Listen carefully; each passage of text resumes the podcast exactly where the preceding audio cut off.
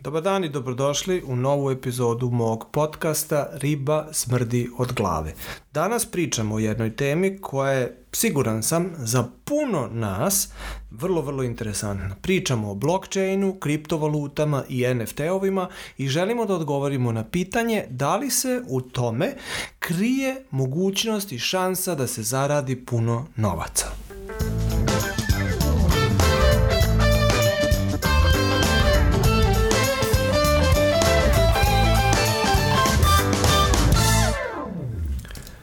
Dobar dan još jednom i dobrodošli. Moje ime je Darko Pavić i ja sam suvlasnik kompanije Fiscal Solutions koja se ne bavi kriptovalutama, barem ne još, ne bavi se još blockchainom i nema još veze sa NFT-ovima, ali se bavi fiskalnim rešenjima, odnosno proizvodnjom softvera za velike internacionalne trgovce i za velike proizvođače POS softvera, znači poslovni softvera koji se pokreću i koriste na blagajnama. Postojimo preko 18 godina, znači punoletni smo, što je super, i e, aktivni smo u, odnosno imamo instalacije u preko 18 zemalja ovoga sveta, a sura, surađujemo sa kupcima koji dolaze iz daleko više zemalja ovoga sveta. Mogu da kažem sigurno jedno 20-ak, 30-ak zemalja e, su nam zemlje u kojima su u principu naši kupci i sa kojima svakodnevno komuniciramo. Današnja tema nam je blockchain, kriptovaluta i NFT-ovi i želim da odgovorim na pitanje da li se tu krije šansa da se zaradi novac, da se napravi profit bez obzira kao, da li kao kompanija ili kao pojedinac. Ono što je jako važno na početku, a to je da vam skrenem pažnju da ja nisam stručnjak za financije. Sve ovo što vam ja danas budem rekao i u ovoj podcast epizodi budem ispričao, nije financijsko savetovanje. Nemojte misliti da sledim cilj da vam pomognem da bi i vi zaradili novac. Ja to sve i da želim ne mogu jer jednostavno nemam te kompetencije. Budite oprezni sa kriptovalutama, budite oprezni sa NFT-ovima i blockchainom, to je tehnologija i to su produkti koji su još uvek vrlo, vrlo rizični ako investirate u njih i može se dogoditi da izgubite sve što ste investirali. U ovoj epizodi podcasta ja isključivo komuniciram moje mišljenje o toj temi koje je možda naravno i pogrešno. Ok. U principu, ja sam kao što sam rekao u ovom uvodu, e, nisam stručnjak u financijskim temama, nisam stručnjak u tehnologiji blockchaina, razumem je, ali nisam stručnjak i ovaj, susreo sam se sa temom kriptovaluta, kriptotemama generalno, tek nekoliko puta u nekoliko navrata i relativno e, u novije vreme, tako reći. Prvi put sam se susreo sa tom temom kad su mi deca, kojih imam četvoro by the way, počeli pričati o toj temi. Da, ta tema je kod mene, u mojoj porodici, u mojoj kući e, se probudila u jednom momentu, u momentu kad su mi deca počela pričati o njoj. Prve izjave koje sam dobio od moje dece su bile u kontekstu njihovih prijatelja, nekih njihovih prijatelja koji su, kako su mi oni tada rekli, zaradili ogromne novce sa kriptovalutama ok. U nekom sledećem od momenta, momenta su mi počeli pričati o tome kako zarađuju kriptovalute dok se igraju igrice.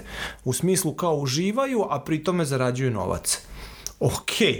A u jednom trećem momentu su mi počeli pričati o tome da su počeli trgovati sa nekim predmetima koji su našli u igricama i onda su te, e, ili zaradili u igricama, i onda su te predmete prodali daleko skuplje i odlično su zaradili.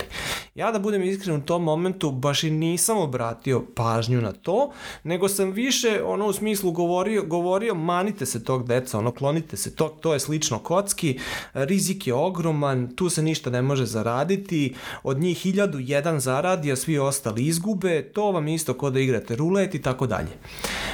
E, to moje mišljenje koje sam imao tada se još uvek nije promenilo, samo da naglasim, ta tema je još uvek vrlo, vrlo rizična. Međutim, umeđu vremenu su mi se na poslovnom planu počele događati interesantne stvari koje su me potakle na to da detaljnije, a možda i drugčije počnem da razmišljam o toj temi i da joj se na drugi način posvetim, a ne ono samo mamanite se toga.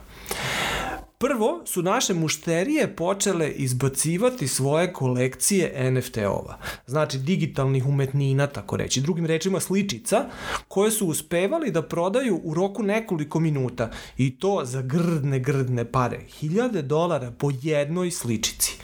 Zadnji primjer je bio Adidas, koji je pre par meseci prodao preko 700 sličica, a svaka je koštala oko 1000 dolara. I to su sve uspeli da rasprodaju u nekoliko minuta. Ja sam naravno e, e, iz radoznalosti gledao svu tu temu, gledao šta se događa kod Adidasa, pratio je pomno I čak sam u jednom momentu rekao, ma ajde da probam da kupim jednu, ne bi kupio, naravno, ali bi pokušao barem da dođem do onog uh, buy now, tako reći, order, uh, međutim nije bilo šanse. Nije apsolutno bilo šanse ni da uđem u sistem i da dođem do tog prvog dela kupovine, zato što su serveri bili jednostavno preopterećeni. Već tu je meni počeo alarm onako da se pali u glavi. Taj alarm je počeo da vrišti onog momenta kad je Facebook preimenovan u metu. Ne samo da je kod mene vrištio taj alarm, nego je on u čitavoj industriji odjeknuo kao, ne znam, nija erupcija vulkana. Svi su se zapitali zašto to u principu Facebook radi. E, dragi moji slušalci, jedna kompanija kao Facebook sigurno da nije luda, da toliko rizikuje i promeni čitavu strategiju, tako reći, brutalno, u jednom potezu, tako reći, menjajući ime, a da ne vidi ogroman profit u tome. Samo da napomenem, tema metaverza, a odatle potiče naravno ime meta, eh, je tema koja je usko vezana sa blockchainom, usko vezana sa kriptovalutama i usko vezana sa NFT-ovima. Ta činjenica da je Facebook preimenovan, preimenovan u metu je odjeknuo naravno koja eksplozija i odjednom nakon njega su uh, tu eksploziju počeli da koriste i da slede i druge kompanije, a posebno trgovci. I odjednom su počeli da vrcaju takozvane NFT kolekcije koje neko prodaje različite strategije kako neki trgovac da, da otvori svoje radnje u metaverzu i zadnji primjer je recimo Samsung koji je otvorio u Decentralandu uh, svoj, svoj showroom u kome se naravno mogu kupiti i NFT-ovi. Neverovatna stvar. Paralelno sa tim, mislim to je prvo kao neka vrsta trenda, to mi je bilo jasno i ok, Facebooka je nekako ono pogurao i, i možda čak i stvorio. Uh, Paralelno sa tim su mi se počele događati i druge stvari koje su me još dublje gurale u tom smeru. Naime, mi kao kompanija, znači Fiscal Solutions, smo prilično aktivni u organizaciji koja se zove ICC. To je skraćenica za International Chamber of Commerce. Drugim rečima, to nije ništa drugo nego e, internacionalna privredna komora. Tamo su jako puno kompanija udružene, tako reći, iz čitavog sveta i jako puno vladi i određenih vladinih institucija su isto tako članovi e, te grupacije, odnosno te privredne komore, druže se tamo, pričaju o poslovima, definišu poslove i tako dalje.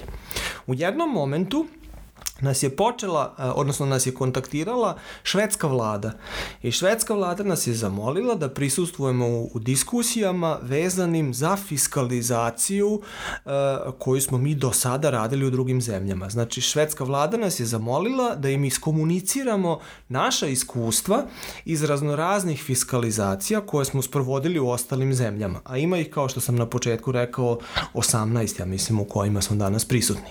Znači, interesantan input za švedsku vladu, koja te, inače je švedska fiskalna zemlja i teži u momentu ka tome da aut, e, poboljša, popravi, modernizira i tako dalje postojeći fiskalni zakon koji je već prilično dobar. Kako su razgovori odmicali, tako smo u jednom momentu došli na temu blockchaina. To je inicirala švedska vlada. E, oni su nam sugerisali da se, odnosno e, napomenuli da se u momentu bave tom temom i da su se odlučili da se posvete dublje temi, da je analiziraju i da, je vide, da vide da li ona zadovoljava uslove e, jedne zemlje kao što je, što je Švedska u kontekstu uvođenja fiskalizacije. Interesantno je bilo da je po njih njihovom mišljenju da, se, da ima smisla baviti se tom temom, zato što već vide benefite koji, koja ta tehnologija može njima da donese u kontekstu implementiranja fiskalnog zakona. To je bila, u tom momentu je naravno se dogodila eksplozija u mom mozgu i u tom momentu mi je bilo apsolutno jasno da šta god ja lično ili moja kompanija mislila ili radila, ta tehnologija je tu, bez obzira da li je to trend ili nije, ona je tu i jedan deo te tehnologije će sigurno biti implementiran na ovaj ili onaj način pošto smo mi usko vezani za trgovce i za vlade, pošto radimo fiskalizaciju, bilo mi je u tom momentu isto tako jasno da mi kao kompanija ne možemo da zaobiđemo nikako tu tematiku. Mi možemo da zaobiđemo i da se njome ne bavimo, ali onda ćemo propustiti ogromnu šansu i izgubiti dobar deo tržišta, dobar deo e, potencijalnih projekata naravno. Drugim rečima, znao sam moram se posvetiti toj temi, što sam onda i uradio. Bilo mi je jasno da ne mogu da donesem nikakav zaključak o tome da li da se bavimo tom temom i kako da se bavimo tom temom ako je ne analiziram u detalj i ako ne naučim i ne razumem kompletno o čemu se tu na kraju krajeva radi. Ako se sad vratim na pitanje, da li su tehnologije, znači blockchaina, kriptovaluti i NFT-ova nešto na čemu se može zaraditi, mogu samo da vam dam savet da prvo dobro izučite tehnologiju, da dobro izučite te koncepte, da naučite šta je šta i da ih razumete i da onda donesete svoje odluke. Da bi vam pomogao u svemu tome i da bi vam mi kao kompanija pomogli u svemu tome, odlučili smo se da napravimo besplatno školovanje, besplatno online školovanje, koje se sastoji od sedam lekcija i koje će u principu e, ovu temu, tako reći, objasniti na laki i razumljiv način, bez obzira na to da li imate tehničku osnovicu ili ne. Krenut ćemo od blockchaina i tehnologije blockchaina, koja je osnovica za sve, objasnit ćemo protom kriptovalute, a nekima ćemo se posebno posvetiti onima koji su važne, najvažnije kako ih mi vidimo, kao što je Bitcoin i ETH i tako dalje. Onda ćemo objasniti NFT-ove, kako oni funkcionišu, šta im je uloga i zašto su baš takvi kakvi su, zašto ih ljudi na kraju krajeva kupuju, kako funkcioniše sve to. Pričat ćemo o mogućnosti, mogućnostima i rizicima vezanim za investicije, pošto se i na financijskom tržištu, odnosno i u toj financijskoj industriji, razvija jako veliki broj mogućih in, in, produkata koji su vezani za investiciju, e, čovek jako lako izgubi pregled i, i naravno ne zna na kraju šta je za njega ok, a šta nije. U ovom školova ćemo, ćemo vam dati i pregled tih svih financijskih mogućnosti koje postoje i rizika koji su vezani za njih.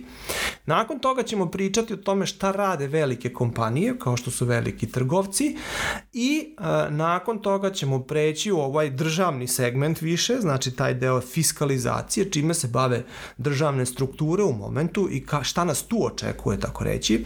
I na kraju, cherry on top, daću vam primer projekta koji ćemo mi implementirati, a ima veze sa NFT-ovima. Znači da vidite kako jedna kompanija koja ne prodaje NFT-ove, ne radi, nije trgovac, ovaj, može da implementira to i koje benefite im u principu to može doneti. Školovanje je besplatno, a možete se prijaviti na adresi crypto-fans.online, znači www.crypto-fans.online ili www.crypto crtica fans.online.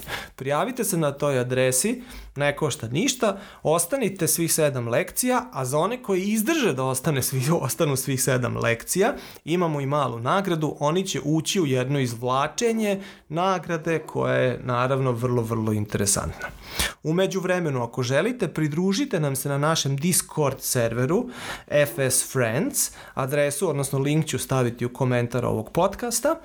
I e, tamo naravno možete da diskutujete s nama sve što je vezano za ove teme, sve što je vezano za školovanje i za bilo koje druge teme. To je naš javni, javni server, tako reći, gde, po, gde gradimo community, tako reći, oko tema o kojima se mi bavimo odnosno sa kojima se mi bavimo.